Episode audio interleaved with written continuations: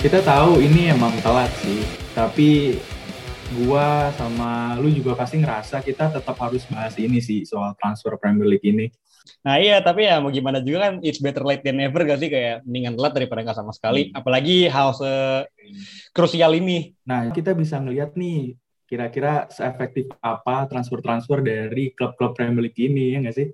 Iya benar banget dan ada beberapa pemain yang dibeli doing well, ada beberapa pemain yang dibeli ternyata malah nggak suitable sama taktik ataupun konsep dari gaya permainan dari manajernya gitu kan. Pasti. Jadi di kesempatan sekarang ini pas kita bahas transfer ini kita mungkin rencananya bakal bagi dua part gitu kali ya Pan ya.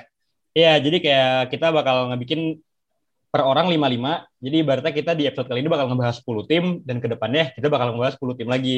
Tapi okay. kita nggak buat pengecualian nih. Kita nggak bakal langsung jam, ya kita nggak bakal langsung loncat ke tim-tim gede. Mungkin biar lebih spice things up kan. Kita mulai dari awal dulu dari tim-tim yang nggak begitu sebesar dari the big six ini ya nggak sih? Uh, kita ingin gimana ya nyimpen klub-klub terutama klub kesayangan kita ya itu di yeah. part 2 nanti karena mungkin pembahasannya bakal banyak banget tuh yeah. tentang kebijakan transfer kita ya. Nah ini sekarang kita pengen fokus ke tim-tim apa ya mediocre tim-tim bawahnya juga yang sebenarnya pergerakan transfer ini menarik-narik nih kalau dibahas. Iya benar banget. Dan mungkin juga kalau menurut gue kalau kita udah ngomongin dari the big six ini kita bakal bisa lebih heated nih oleh kayak udah bahas-bahas kayak MU yang lagi nggak doing well, Arsenal yang doing yeah. telat pasti kan bakal cepet lah gitu. Nah oke, okay. jadi dari gue dulu deh, gue pengen bahas dari tim yang mungkin sebulan terakhir ya sempet heboh lagi dibahas-bahas juga karena dibeli oleh Sultan. Ya, tahu dong pasti. Ya, bapak gue lagi krising ini sekarang nih, bapak gue lagi. oh iya, bapak bapak lu fans Newcastle ya? Gue nggak tahu sih, cuma kayak yang gue tahu bapak gue tuh demen banget sama Alan Shearer dan ini nama yang underrated juga, no apa Norberto Solano kalau lu tahu. Bapak gue tuh demen sama yeah, mereka berdua. Dan tapi ya gue tahu semenjak 2003-an bapak gue demen banget sama CR gitu. Oke. Nah, jadi pada kesempatan ini yang pertama nih, gue pengen ngebahas soal transfer dari Newcastle.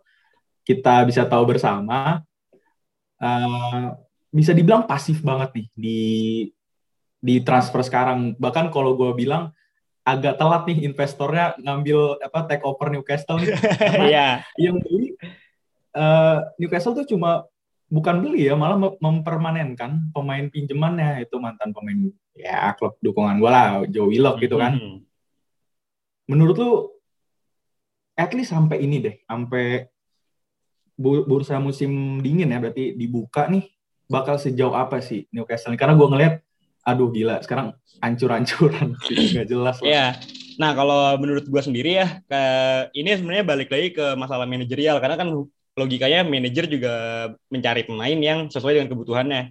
Yang kita tahu Steve Bruce sudah dipecat sekarang dan sekarang uh, yeah. as we take it sekarang manajernya lagi si Eddie Howe kan baru dia baru dia point. Yeah. Mungkin menurut gue uh, Eddie Howe ini baru bakal lebih jor-joran dan lebih main tapi yang gue takutin kejadiannya bakal sama kayak kejadian dia di Bournemouth kayak dia beli Jordan Ibe sama Dominic Solanke yang bisa dibilang overpriced gitu kalau menurut gue. Ya nggak tahu juga ya. Kan apalagi mungkin ada pengaruh dari pem, uh, pemilik klubnya yang mungkin ngebriefing nanti Eddie Howe-nya harus kayak gimana kebijakan transfernya. Tapi yang jelas, gue sangat berharap tidak terulang lagi transfer sia-sia bisa gue bilang dari Joelinton ke Newcastle kan. Dari Hoffenheim tuh lumayan. Berapa kok nggak salah? 40 ya, juta ya? 40 jutaan ya 40 jutaan. Dan udah berapa tahun sih dia? Dua apa tiga tahun ya? Itu ini tuh udah kalau masuk nggak salah. Udah masuk musim ketiga dia udah, di Newcastle. Musim ketiga kan? Iya. Yeah. Kalau gue nggak salah, musim terbaiknya itu cuma ya pertama kali dia join nggak sih? Dan itu pun golnya nggak lebih dari lima, seingat gue ya. Iya. Yeah. Jadi apalagi itu absurdnya menurut gue di let's say tiga match sebelumnya uh, yang gue tahu pasti sih pas lawan Tottenham ya. Itu gue nggak tahu kenapa uh, Steve Steve Bruce ini naruh Jolinton di sayap. Padahal kalau gua ngelihat cara main dia waktu di Hoffenheim itu kan dia sering dimanja-manjain sama crossing-crossing sayapnya karena dia kan cukup target main tuh uh, posturnya dan headernya juga emang bagus gitu. Iya, dan apa kalau yang gue tahu juga kayak Alan Saint Maximin itu bukan tipikal winger yang ngedeliver bola ke dalam kotak karena Saint Maximin lebih hmm. orang yang ngincer gol meskipun emang kita juga bisa ngeliat Saint Maximin juga cukup bagus crossingnya dan mungkin ini ada permasalahan di taktik aja sih kayak kita uh, Newcastle punya Ryan Fraser salah satu ya, salah satu top skor dari eh salah satu top assist di tahun 18-19 kan di pas dia masih di Bournemouth hmm, dan yeah. kemudian kemudian ada playmaker di Miguel Almiron tapi kalau menurut gue oh ya itu ya dan ini kayak kesalahan dari Steve Bruce ini Steve Bruce selalu bebal pakai formasi 5-2-3 atau 5-3-2 yang padahal kalau misalnya diubah anggap hmm. taktik taktikal landscape-nya diubah jadi 4-2-3-1 dan ibaratkan ada Isaac Hayden jadi DM dan kemudian ada pemain muda lah either Sean atau Matthew Longstaff bisa jadi kayak di playing playmaker gitu kan. Dan ya, berarti kan dipinjemin tuh adiknya. Iya. Ke Aberdeen ya kalau Iya kayak Aberdeen. Kalau lo dari Castle itu aja ya. Kalau gue sekarang iya bakal ya bakal ngebahas salah satu tim yang lagi exciting sekarang nih. Jadi yang kita tahu Siapa tuh? Uh, Aston Villa. Aston Villa. Ah, serius loh, exciting exciting aja menurut gue karena the, hear me out, hear me out kayak Aston Villa, ah, ya, Aston Villa selalu dikenal dengan empat tiga tiganya kan di musim kemarin yang kayak di kiri Jack Grealish di kanan si siapa Bertrand Traore sama di tengahnya Oli Watkins dan kemudian di di belakangnya itu ada Douglas Luiz, John McGinn sama si Ross Barkley yang sekarang udah balik ke Chelsea. Eh gue gak tahu yeah. apa dia. Nah, nah kemudian balik balik. Ya kayak sekarang udah jor-joran nih belinya abis uh, ngalahin Arsenal dalam pembelian Buendia, tiba-tiba beli Leon Bailey, kita udah mikir kayak, oh ini paling cuma uh, rotasi pemain kayak kepindahan Jack Grealish, kemudian masukin Buendia sama si Leon Bailey. Tapi tiba-tiba Danny Ings dibeli kan. Nah itu tuh ngerubah ya, pan itu pandangan kaget sih gua. Iya, gue juga kayak itu kan tiba-tiba banget kan. Nah kemudian ini tuh ngerubah pandangan orang terhadap tactical landscape dari Dean Smith kayak yang kita tahu Aston Villa selalu bukan selalu sih kayak mengandalkan formasi 4-5-1 atau 4-3-3 dan kemudian yeah, iya. pembelian yeah. ya dan pembelian Danny Ings ini lebih membuat variasi baru kayak ibarat sekarang seperti yang Dean Smith bilang kayak Dean Smith tuh ingin lebih punya banyak variasi kayak sekarang Aston Villa lebih main pakai 5-3-2 ya kan dengan dua striker utama si Oli Watkins sama si Danny Ings. Danny Ings. Gitu kalau gue. Nah, tapi um, jujur gue belum terlalu lihat banyak nih dari pembeliannya Aston Villa, Leon Bailey sama Emi Buendia ini. Kalau gue lihat-lihat sih statnya itu Bailey baru main sekitar lima kali, baru satu gol, satu assist, terus juga bu eh satu satu assist atau dua assist ya? Pokoknya sekitar situ. Buendia juga sama, itu malah dia mainnya lebih banyak. Ya mungkin banyakkan dari bangku cadangan juga dan statistik juga nggak jauh beda kayak satu gol satu assist gitu. Jadi uh, ya belum kelihatan juga terlebih berapa ya? Lima pertandingan terakhir. Lima atau empat ya? Pertandingan terakhir Aston Villa nggak pernah menang dengan tiga kekalahan beruntun nih terakhir menang lawan MU iya. Jadi apa nih kira-kira yang salah dari ya taktik baru dari Dan Smith ini sih. Uh, gimana? Iya, kalau menurut gue ya balik lagi ke pembelian Danny Ings ini. Kayak pembelian Danny Ings ini ngerubah ketika landscape hmm. dari dari Aston Villa yang mana kalau dipikir-pikir kalau lu pakai 4-3-3, Bailey di kiri, terus dia di kanan, Oli Watkins di tengah, itu bisa efektif, ya kan? Dan sebenarnya sebenarnya bisa aja kayak kita ngelihat Buendia pun sering dimainin sebagai pemain nomor 10 kan di Villa Yep. Kayak balik lagi ke kondisinya kayak Newcastle, kayak padahal bisa aja gitu kalau misalnya diubah pakai formasi 4-5-1, ibarat pakai Douglas Lewis sama John McGinn jadi dua pivot. Buendia ditaruh tengah, Oli Watkins ditaruh di kiri karena yang gue ingat Oli Watkins juga bisa main di sayap, striker Danny Ings ya, ya dan kanannya Leon Bailey. Cuma yang jadi permasalahan itu di depannya kreativitinya kurang kayak dari either wing.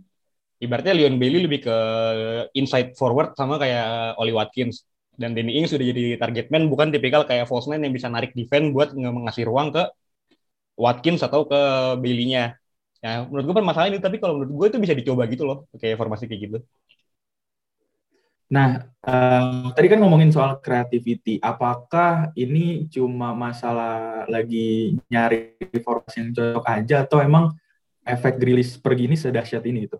Kalau menurut Iya, uh, efek dari Grilis sih sebenarnya kayak Grilis itu merupakan pemain kunci dari Aston Villa yang kita udah tahu Grilis udah jadi kayak hmm. born apa kayak udah dari Birmingham terus udah jadi pemain kunci di Aston Villa yeah. dari sebagian besar karirnya yang ujung-ujungnya kayak kepergian Grealish nyakitin dari ininya dan kemudian mereka berharap kalau Buendia bakal jadi pengganti Grealish tapi ya kita tahu Buendia dari championship kayak pasti dia perlu waktu buat settle in sama Aston Villa meskipun ketika tahun 2020 Buendia pun juga doing well di Norwich tapi ibarat klub baru pasti orang perlu iya. adaptasi. Iya ya menarik sih uh, dilihat perkembangannya ke depannya semoga nggak flop lah ya. Yeah. Nah tadi lu bahas soal Ings. Nah Ings ini kan seperti kita tahu tahun lalu tuh uh, mentereng banget ya performanya sama Southampton. Tembus 10 lebih lah golnya dan emang jadi kunci banget duetnya sama C Adams nih. Ings pergi, Southampton dapat uh, atau nambah istilahnya dua striker baru gitu. Ada Armando Broja yang emang kalau di Chelsea ini Chelsea U23 itu emang gacor banget uh, walaupun sempat dipinjemin ke Vitesse ya Liga Belanda dan Adam Armstrong. Nah ini gue excited banget uh, wasted talent ya bisa dibilang dari Newcastle, tapi pas musim lalu sama Blackburn second top scorer. Tapi eh, nggak uh, tahu ya sekarang ini belum terlalu uh, nonjol performanya lagi-lagi baru ya sekitar satu gol satu asis lah yang golnya lawan Everton itu. Uh, adaptasi seperti yang lu bilang tadi sama Buendia atau gimana menurut? Iya balik, balik lagi sih karena kayak tipikal uh, kompetitif dari tiap liga pasti beda. Yang kita tahu championship pun juga levelnya lebih bisa dibilang lebih rendah lah. Meskipun kita tahu championship pun juga sebenarnya bagi gue sendiri championship merupakan liga yang exciting kayak kita bisa ngeliat bowler-bowler kayak Michael Olise atau Eberici Eze. Yeah. Nah gitu kan. Ya namanya itu sama sih. Semuanya pasti perlu adaptasi dan untungnya bagi Armstrong Armstrong pun sempat pernah merasakan sedikit dari gimana uh, tempo dari Premier League gitu kan. Dan yang kita tahu hmm. Adam Adam Armstrong pun juga striker yang sangat deadly. Kayak ibarat lu punya striker lu cepat lu klinikal itu lu hal yang lu punya hmm. hal yang lu inginkan dari seorang striker gitu kan. Nah um, tapi gue juga menarik nunggu tangan dinginnya Hasan Hutel nih. Karena gue ngelihat Hasan Hutel ini pelatih yang unpredictable gitu maksud gue dia pernah ngebawa Southampton down banget kalah 9-0 terus juga uh, ngalah ngalahin Liverpool tahun lalu sampai dia nangis tuh kan. Hmm. Jadi ya nggak tahu lah semoga aja di tangannya Hasan Hutel ini Armstrong bisa sama kualitasnya atau jadi gitu ya kayak di uh, Championship musim lalu nih. Nah yang tapi yang gue suka banget dari Hasan Hutel ini kayak dia ngebawa uh, kultur dari Southampton. Kita tahu uh, ketika di era Pochettino Southampton itu banyak pemain-pemain yang dibangun lah istilahnya kayak Dusan hmm. Tadic, yeah. terus kayak Sadio Mane, terus juga kayak Ryan Bertrand, Jose Fonte, yeah. terus eh, si Jay Rodriguez. Nah, yang menurut gue gue suka itu kayak Hasan Hutel ini pun sekarang udah ngebawa kultur itu lagi ya kayak ngebawa pemain kayak Livramento, Armando Broja kayak lu bilang terus kayak sekarang ada Mohamed Salisu yang sering kena first team. Kayak yeah. akhirnya Southampton menjadi kembali menjadi tim yang membangun karir-karir untuk pemain yang akan menjadi pemain bintang ke depannya. Itu sih yang gue suka pemain bintang dan jadi penyetok buat klub lain ya. Iya. ya gitu sih. Nah, kayak kita udah ngomongin masalah kayak smart buying dan kemudian ngebangun tim. Ada tim yang menurut gue saat ini udah berubah kulturnya dari yang tadinya cuma ngebangun pemain dan ngejual lagi untuk profit yang gede. Tapi sekarang kulturnya udah berubah. Mungkin karena faktor dari pelatih ya, yaitu Leicester. Ya betul. Oh, oke, okay.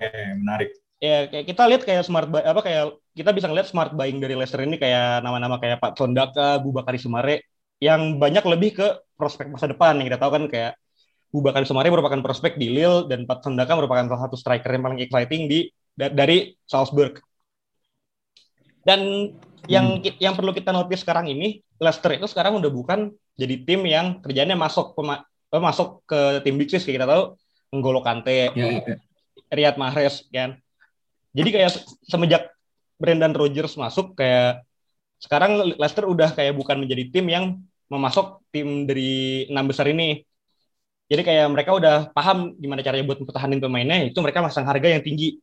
Kita bisa ngeliat kejadiannya kayak kejadian Maguire gitu kan.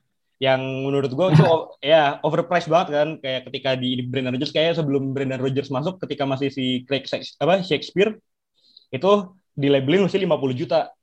Pas Brandon Rodgers masuk yeah, ya. langsung yeah. 80 juta kan. Meskipun emang logikanya itu udah kayak ngebangun Harry Maguire sendiri sih.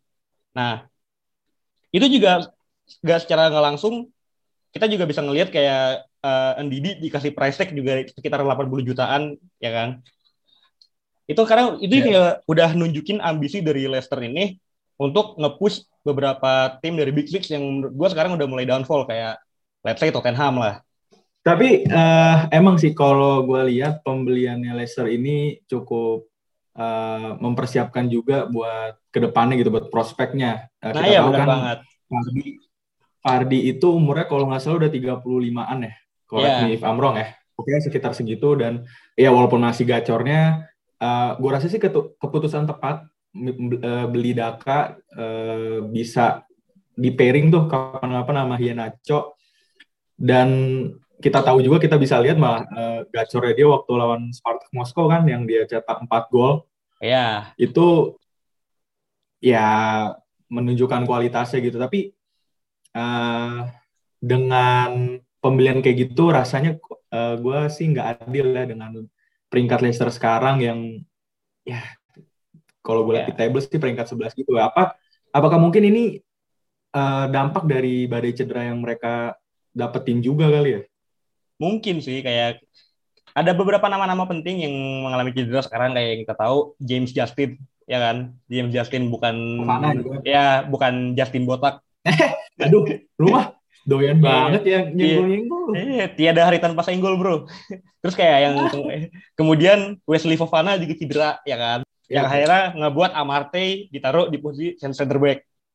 Ya. Aduh itu gue nggak demen banget sih. Tapi, Tapi emang ya, ya emang bodinya bodinya hmm, gede. Iya. Ya, ngeri. Cocok dia. Ya, ya mungkin emang kan itu tapi yang on the bright side kayak kita bisa ngeliat dari midfield Leicester sekarang tuh udah bisa lebih bervariasi ya kan? Kayak ibarat misalnya. Benar. Iya uh, kayak Leicester. Nggak tahu kenapa ini gue dikit-dikit ngomong 451 mulu. Maaf kalau misalnya banyak yang nggak suka tapi kalau kita balik ke formasi 451 nih ibaratnya NDD jadi emang kayak jadi DM jadi anchor dan kemudian Bubakar Sumare kembali menjadi orang yang ngedistribusi bola ke depan. Dan let's say yeah. atau atau kalau nggak Bubakar Ismare Yuri Yuri Tillemans lah ya kan Yuri Tillemans lah pasti yang jadi kayak di playing pro, playmaker atau kayak ball progresornya buat ke depan dan kemudian di tengah naro si James Madison atau kalau misalnya emang James Madison ditaruh di kiri ketika Harvey Barnes Harvey Barnes gak ada Tillemans bisa ditaruh di posisi nomor 10 dan kemudian di kanannya baru Kelechi Iheanacho. Yeah. Kalau ngomongin soal Leicester ini uh, kalau menurut gue sih emang titik baliknya tuh pas mereka juara pas mereka juara itu pembangunannya emang gede-gedean banget sampai bisa kebentuk tim yang sekarang. Nah uh, kalau ngomongin soal smart buying juga gue tertarik banget sama ngomongin soal Crystal Palace.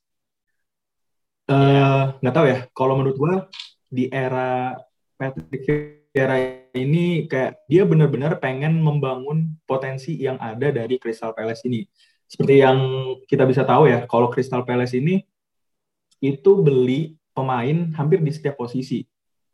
Kiper, kiper ya nggak sih? Kiper enggak, kiper masih Jack Butler. Iya, kiper ya, walaupun kiper ketiga. Bukan Remy masih... Matthew tuh pemainnya Sunderland kan? Oh ya. Remy Matthew, Remy Matthew. Nah, uh, dia hampir, ya dia beli semua uh, pemain baru di setiap posisinya. Back ada baik sih terutama yang gue menyoroti ini salut juga uh, peka gitu uh, Patrick Vieira ini uh, mem, apa membangun dan membenahi Crystal Palace ini bisa kita lihat pembelian dari Joachim Anderson, Mark Wehi, terus tengahnya. Ini vital nih menurut gue karena dengan adanya Gallagher, Conor Gallagher walaupun cuma hanya pemain loan ya tapi memberikan dampak yang uh, besar banget gitu. Belum juga di depannya ada Edward dan ada pemain prospek itu Olise. Gue inget ya gue nonton waktu itu Crystal Palace lawan Tottenham. Kehadiran Gallagher ini benar-benar bikin uh, permainan dari Crystal Palace ini hidup lebih menyerang nggak tergantung sama Zaha malah Zaha sangat terbantu banget sih menurut gue ini dengan kehadiran Gallagher ini gitu Nah, ya bener juga sih kayak Conor Gallagher merupakan jadi peran yang penting gitu di tim Palace sekarang kan. Kayak ibaratnya kayak kreatornya juga jadi dia. Nah, tapi ya, ada yang mau gue tanya, ya, ada yang mau gue tanyain nih. Kan kalau hmm. si Conor, Conor Gallagher ini emang kita tahu pemain pinjaman kan. Let's say yep. dia balik lagi ke dia dibeli dipinjam dari Chelsea atau West Brom? Chelsea, Chelsea. Eh, ada Chelsea ya. Nah, let's say dia balik yep. ke Chelsea dan kemudian menjadi pemain yang sangat apa sangat efektif dengan kontribusi-kontribusinya, apakah itu bakal kembali menyakitkan Crystal Palace atau malah kayak kita tahu ada nama-nama kayak Michael Olise atau ya, ya. E Eberic Eze itu bisa kembali mengisi ruang yang dikosongkan oleh Gallagher ini kalau menurut lo? Sebenarnya kan uh, namanya juga kita pundit ya, analisa-analisa gitu dah.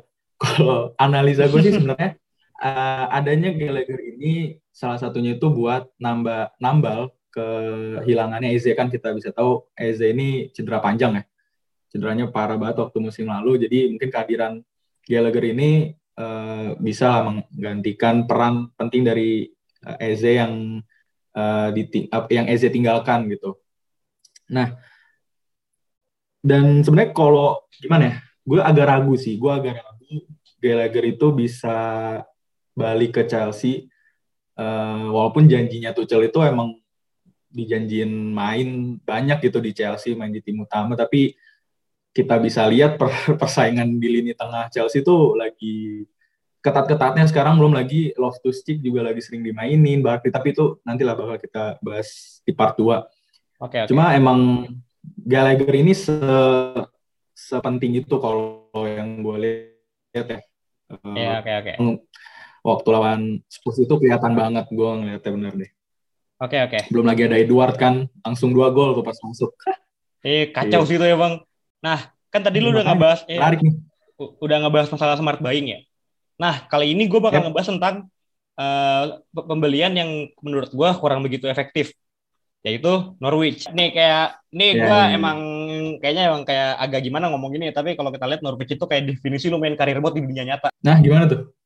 ya kayak kita ngeliat pembelian-pembeliannya kayak pinjem apa dia minjem Billy Gilmore dari Chelsea dan Brandon Williams dari MU yang notabene eh, bek kanan kan eh, di MU ketika mulai ada Alex Telles yeah. terus meskipun gue gue kurang tahu sih dia dimainin di left back atau di right back nah terus kayak pembelian kayak Joe Sargent dan Adam Tiolis gitu kan kayak kita ngeliat yeah. udah ngeliat arah-arah dari transfer Norwich ini lebih ke arah prospek muda tapi kalau kita kalau kita terlalu overspend sama prospek muda ujung-ujungnya kalau misalnya nggak ada core yang bisa nutupin mereka bakal jadi bahaya. Meskipun kita udah ada nama-nama kayak tim Puki, tim Krul dan lain-lain kan. Ya jadi let's say Norwich ke degradasi nih musim ini kayak menurut gue pasti sih Norwich ke degradasi musim ini. Tapi kita gue yakin tim ini bakal cooking di championship kan. Tim ini bakal bagus lah di championship. Dan ketika Norwich naik, pemain-pemain itu bakal diincar sama tim-tim lain yang lebih membuat Norwich kembali kayak jadi oh, pemasok buat tim-tim besar. Yang ujung-ujungnya Norwich ini bakal jadi lebih kayak siklus gitu aja kayak naik turun naik turun naik turun gitu. Kalau misalnya kultur mereka masih kayak gitu. Kalau menurut gue sih gitu. Iya, makanya kan ada gue waktu itu lihat di mana ya, Instagram deh kalau nggak salah. Ada salah satu akun media Inggris gitu yang bilang yang ngejulukin gitu ya. Norwich ini sebagai yoyo klub. Jadi emang naik turun naik turun gitu-gitu aja gitu dan gimana ya gue kan penasaran juga ya maksud gue ini transfernya juga uh, menarik-menarik gitu ya dan uh, berbenah di setiap sisi juga di midfielder juga beli Les Melo itu juga gue kaget tuh gila Les Melo oh iya yeah.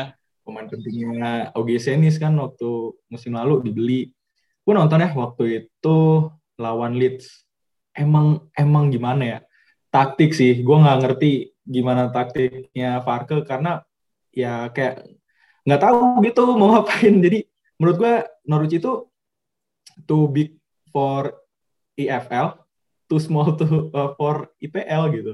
Nah ya ini kayak gue juga bakal ngutip dari perkataan dari ini YouTube youtuber namanya Michael. Dia tuh kayak megang akun HITC Sport. Dia ngomong permasalahan itu emang ada di Daniel Farke ya. Lu udah tahu Daniel Fark udah ngebawa ke Norwich ke PL pada musim hmm. 18-19 kan dan kemudian dikedegradasi lagi pada musim 19-20 yeah. dan kemudian naik lagi ke di musim 20-21 kayak kita udah uh, Norwich udah tahu kalau misalnya Daniel Fark mungkin udah gak, gak capable buat ngebawa tim ini ke PL kayak kenapa masih stick sama Daniel Fark ini?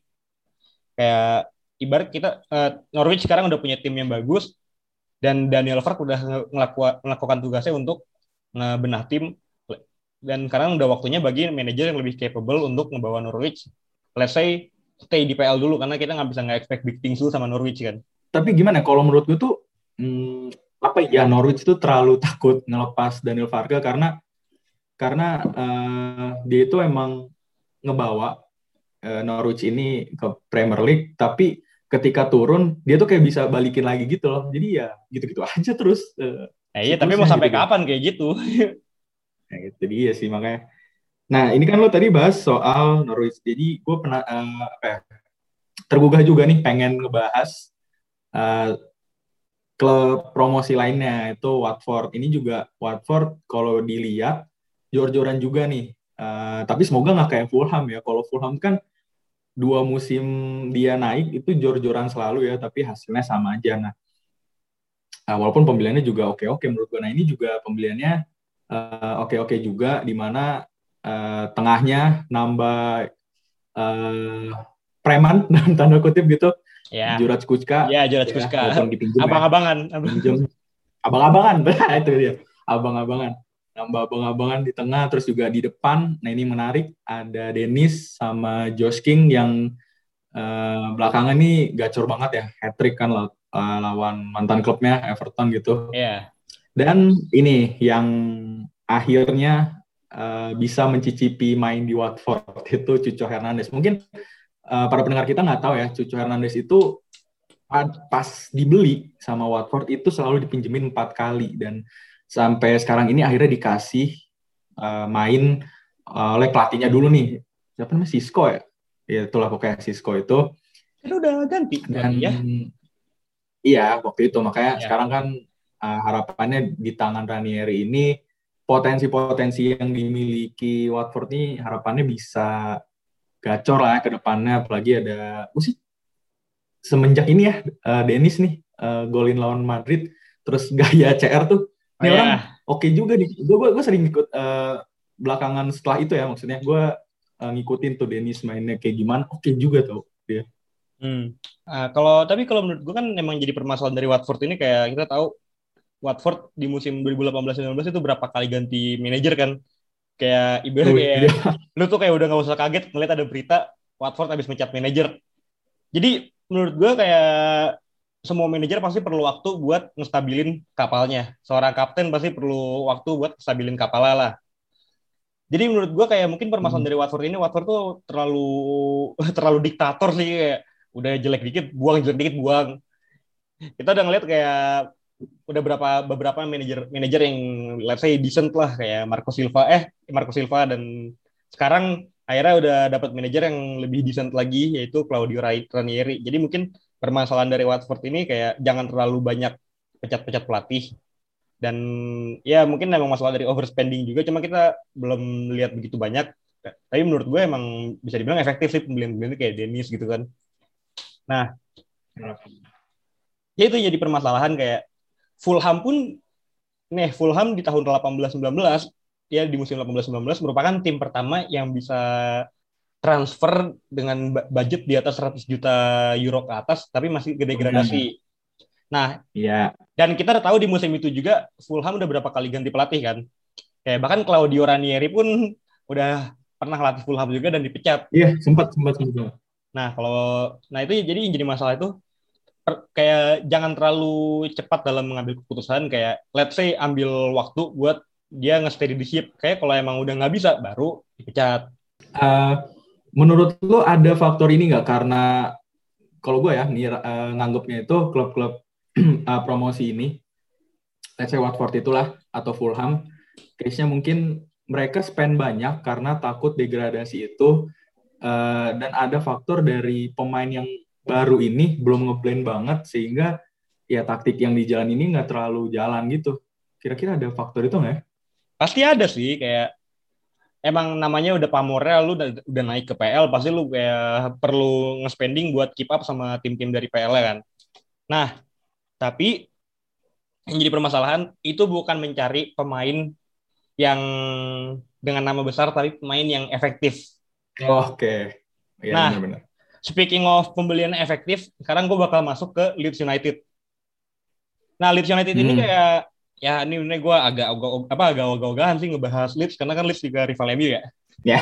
ya kayak yeah, yeah, yeah. transfer window dari Leeds ini kan let's say cuma kayak gak begitu exciting ya. Dia cuma bawa uh, bawa nama kayak Jack Harrison dan James sama Junior Firpo. Tapi kayak kalau menurut gue dari Junior Firpo pun let's say dia juga apa gimana ya kayak kita belum tahu gimana ininya karena logikanya gue juga nggak banyak nonton nggak banyak nonton La Liga kecuali El Clasico. Dan tapi kalau kita tahu yeah, kayak yeah biasa kan punya sistem kayak uh, fisikal tuh ini banget kan kayak kita udah tahu kalau yeah, betul.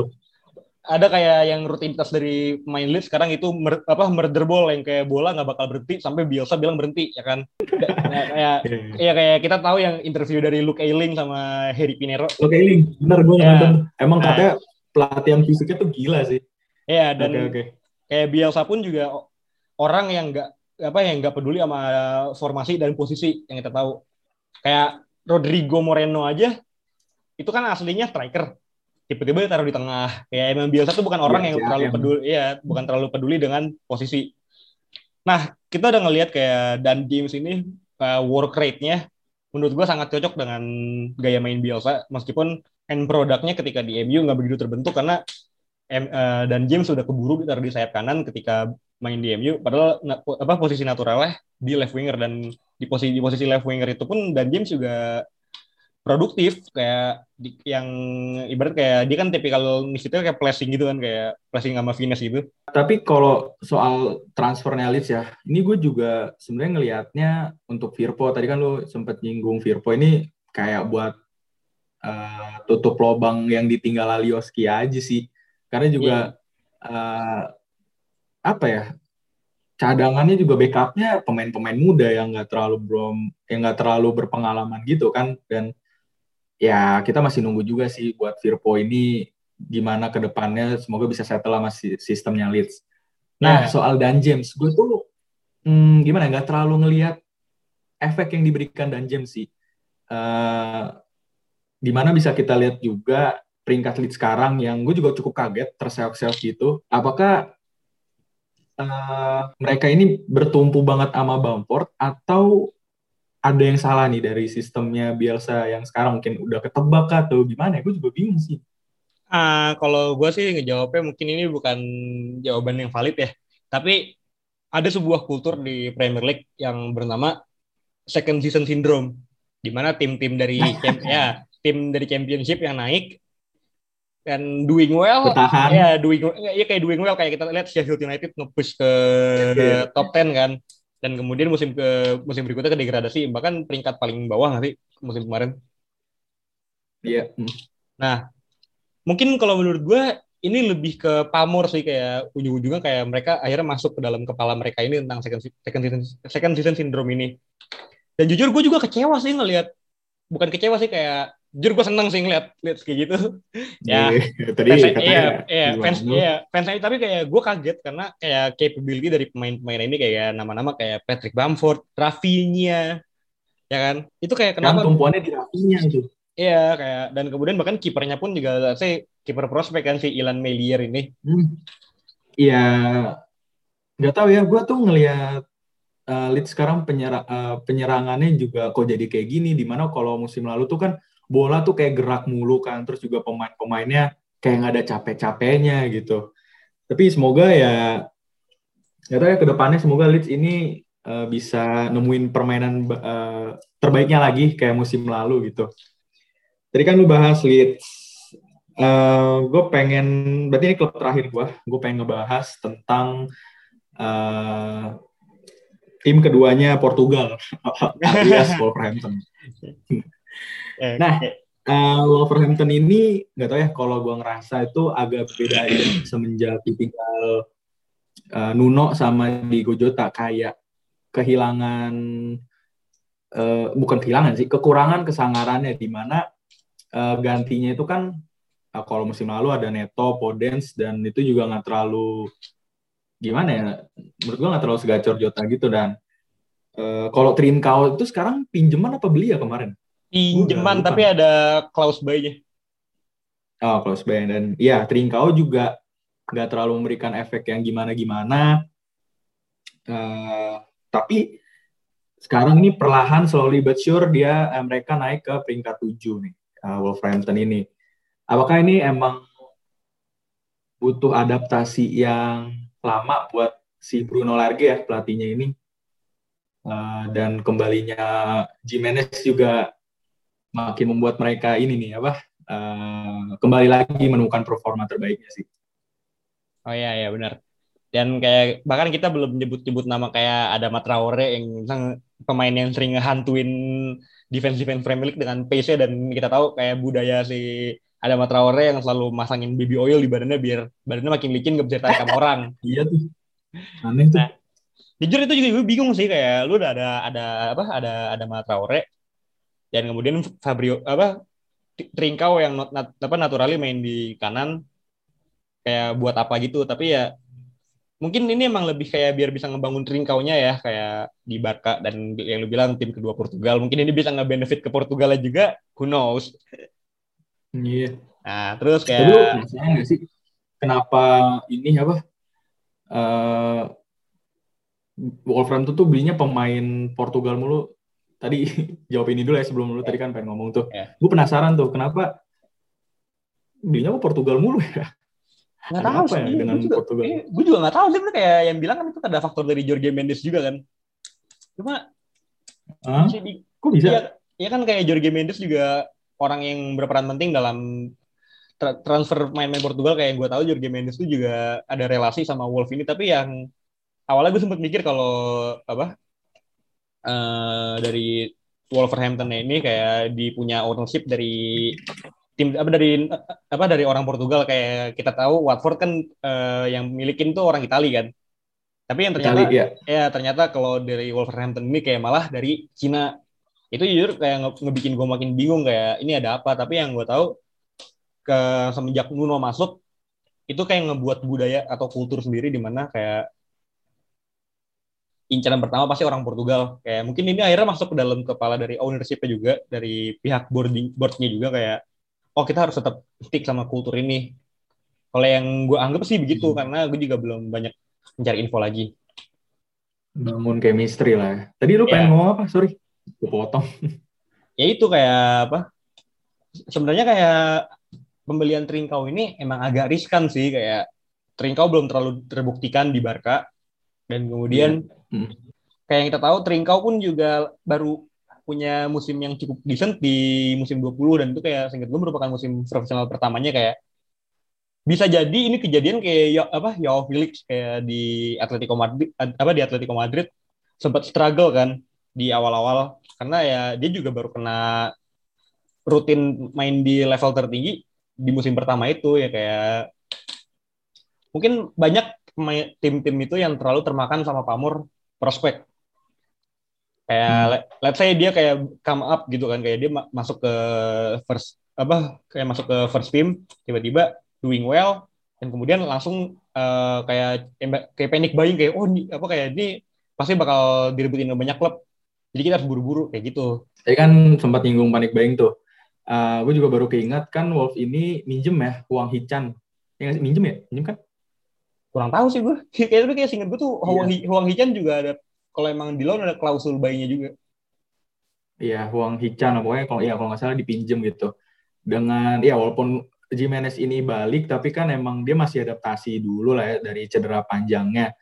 Apakah dengan masuknya Huang Hichan ini uh, gimana ya sebagai backup gitu buat Jimenez? Karena emang kalau dari Fabio Silva sendiri yang umurnya terlalu muda dan eh, bukan terlalu muda, masih muda dan belum terlalu perform banget gitu di Wolf gitu, dengan hadirnya Huang Hichan ini. Iya, pasti kalau kata gue itu juga lebih ke masalah rotation juga kan lu tim nggak bisa terlalu mengandalkan ini kan nggak terlalu bisa mengandalkan satu tim kayak kita udah ngeliat kejadiannya kayak di Liverpool di musim 1920 yang kayak nge-overwork main-main mereka dan di musim 2021-nya pemain-pemain penting banyak yang ngalamin cedera karena udah over exhausted gitu.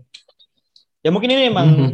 juga smart buying tapi kayak kalau di pikiran gue si manajernya kayak mungkin nggak eh, nggak akan ngubah formasi jadi lima tiga dua karena ya balik lagi waktu itu kayak sekarang Wolverhampton udah overload di posisi sayap. Nah, lanjut ke ini kayak mungkin similar kayak Norwich juga eh Norwich kayak Ever, uh, apa kayak Wolverhampton juga.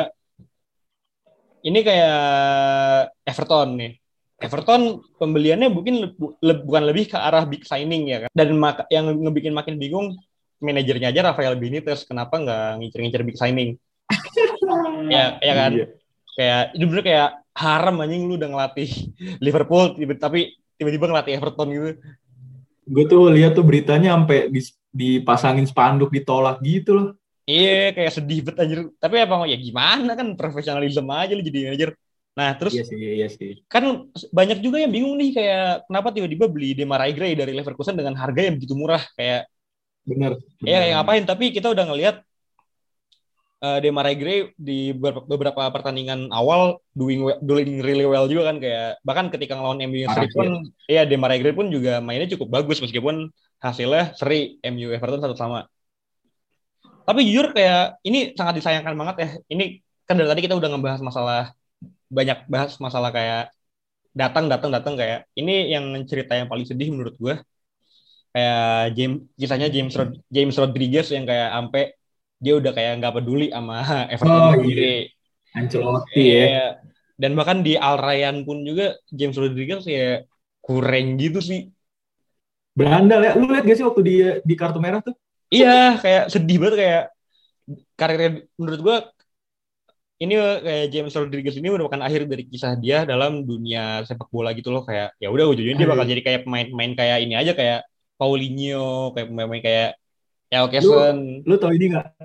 Kata-kata apa sih yang yang kata-kata Hames tentang kepergian Ancelotti? Gue lupa ada persisnya gimana. Oh iya kayak itu itu emang sedih banget sih pas gue bacanya kayak karena gue juga salah satu fans dari Hames Rodriguez sendiri kayak ngelihat kayak karirnya udah mati dan ujungnya dia bakal jadi pemain yang cuma ngincer big bucks doang kayak ya Paulinho ya siapa lagi ya di uh, kayak siapa lagi sih kayak yang ngincer big, big money itu kayak ya Oscar lah kayak Oscar Oscar kan juga Oscar eh, El Sharawi gitu. Iya Stefan El Sharawi terus kayak ini tapi kalau Zlatan Ibrahimovic dia masih doing really well juga sih sekarang meskipun dia sempat pindah ke MLS karena ini ya yeah. mungkin beberapa itu kayak gue ngeliat gue ngeliatnya sih ya, gue ngeliatnya lebih kesedih gitu loh kalau dari James Rodriguez itu. Iya gue ngeliat kata-katanya apa? Uh, kalau nggak salah ya kurang lebih pokoknya dia tuh pokoknya pindah ke Everton gara-gara ada Ancelotti-nya dan dia patah hati gitu pokoknya gitu lah saya patah hati gitu ketika dia pindah Ancelotti pindah ke Madrid. Kenapa nggak diajak ya? Ya udah nggak dibutuhin juga nggak sih di sana ya lu udah punya dua iya. midfield Toni Kroos sama Luka Modric lu ngapain pakai Hames lagi dan sekarang kita lihat di ini iya. kita out of context dari PL kita ngelihat di dua sayapnya Vinicius Junior aja udah ini banget kan udah ngeri banget dan hmm. sekarang pakai striker Benzema kayak lu kayak menurut gua James Rodriguez gak bakal ngasih impact apa-apa gitu loh ke Madrid. Tapi balik lagi nih ya, kita balikin lagi ke Everton. Uh, emang sih di awal-awal ini Everton ini uh, gacor dan bikin uh, persaingan yang cukup lumayan ya. Tapi ada apa nih di dalam empat pertandingan nih tiga kali kalah, satu kali imbang ya waktu lawan MU itu, di mana dibantai sama Watford itu yang di kandang 5-2. Apakah uh, magis dari Gray ini udah hilang dan seperti apa ya kayak kehilangan atau kebingungan gitu Benitez dalam uh, menyikapi ini soalnya formasi kalau gue lihat sama mu empat dua empat gitu dalam lima bahkan lebih gitu lima match terakhir. Nah itu juga tapi kayak empat dua empat ya kayaknya. Tapi itu kayak ya itu Everton kayak gitu nggak sih kayak musim lalu aja Ancelotti pun kayak udah nge-hype kayak oh ini Everton bakal ngejar title charge juga di bareng sama Aston Villa setelah uh, Aston Villa ngalahin Liverpool tujuh dua Mungkin kayak Iya sama sih ya kita juga bisa tahu kalau Rafael Benitez sudah bukan manajer yang kita kenal dulu lagi. Rafael Benitez ya udah bukan hmm. manajer yang mengerikan lagi dan menurut gue juga mungkin Rafael Benitez ini masih perlu waktu buat membeli pemain yang dibutuhkan. Mungkin, mungkin, mungkin. Tapi ya menarik sih buat ditunggu lebih jauh lagi nih um, pergerakan dari tim-tim yang kita bahas nih. Masih banyak sebenarnya uh, bahasan kita, cuma ya berhubung durasi juga. Next time kita bakal, nah ini part serunya, kita bakal bahas transfer-transfer dari Big Six, mungkin tambahan kayak tim-tim yang belum dibahas dari mediocre kayak Brentford, Brighton tuh yang sekarang gila. Gue kaget yeah. loh sama Brighton nih. Aesthetic apa football. karena Graham Potternya ya? Iya. Iya, Graham Potter tuh definisi aesthetic football, hmm. football hipster. Ah.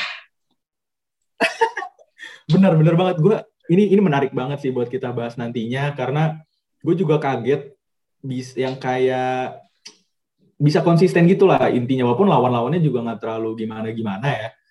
tapi bisa konsisten gitu sih ini menarik menarik banget lah eh, tunggu yeah. aja episode part 2 nya soal yeah. transfer ini uh, udah kali ya Pan ya kita bahas ini semoga terhibur dan dapat insight baru nih soal transfer-transfer di Premier League sekarang sebagai episode perdana kita juga nih anjay. Iya, logikanya ini pertama, yang kemarin epilog kayak eh, yang kemarin prolog ya prolog. Iya. Nah, dari kenalan ya, gitu. Pesan iya kalau pesan gua gua kemungkinan bakal marah-marah. Ya. Gua kemungkinan bakal marah-marah kayak ngomongin MU karena kita tahu MU tuh udah ngejual mimpi buat para fans MU. Iya iya. Aduh tahan dulu. Tahan dulu marah-marahnya. Ya. Kita simpen. Iya. Jadi pokoknya gue kita jamin bakal seru banget nih ya. Iya. Pembahasan kita nanti. Karena kita bakal fokus juga di tim jagoan kita pastinya. Kita bakal yeah. bahas di situ lebih banyak gitu. Nah benar banget. Dan tapi kita juga harus tetap bisa profesional dengan ini kan kayak kita nggak bisa terlalu bias kayak tiba-tiba lu sama Tottenham jadi begini banget, gue sama Liverpool jadi begini banget gitu kan. Iya iya. Nah, ya nah Dan mungkin jadi nyenggol lagi. Iya ya udah udah udah. Nah mungkin itu mungkin ini aja kali ya buat di episode pertama kita dan ya kita masih ada banyak tim yang perlu dibahas. Kita masih banyak konten yang mungkin durasinya bisa lebih panjang dari ini. Gue berharap ya semoga ya, ya kayak Arsil bilang kayak semoga dari episode kali ini kita, eh, kita bisa kembali berdiskusi, kita bisa kembali kayak saling berinteraksi kayak kalau ada, kalian ada punya pendapat lain tentang pendapat kita yaitu kalian silakan berdiskusi dan semoga juga kita ini juga ngebuat forum buat kalian para pendengar. Sama seperti kayak dikit-dikit kayak apa kayak senggol dikit kayak kode etik dari jurnalistik itu adalah jurnalistik harus bisa membuka forum. Nah mungkin itu doang sih dari kita kali ini. Artinya lo ada yang mau disampaikan ya. lagi nggak? Udah sih, udah cukup lah. Udah lama juga kita nih kayaknya. Ya, ya mungkin kalau gue dari gue juga itu doang sih ya. Kalau gitu Sampai bertemu di episode berikutnya. Semoga kalian bisa selalu menanti. Ya, Coba dulu. Bye. Bye-bye.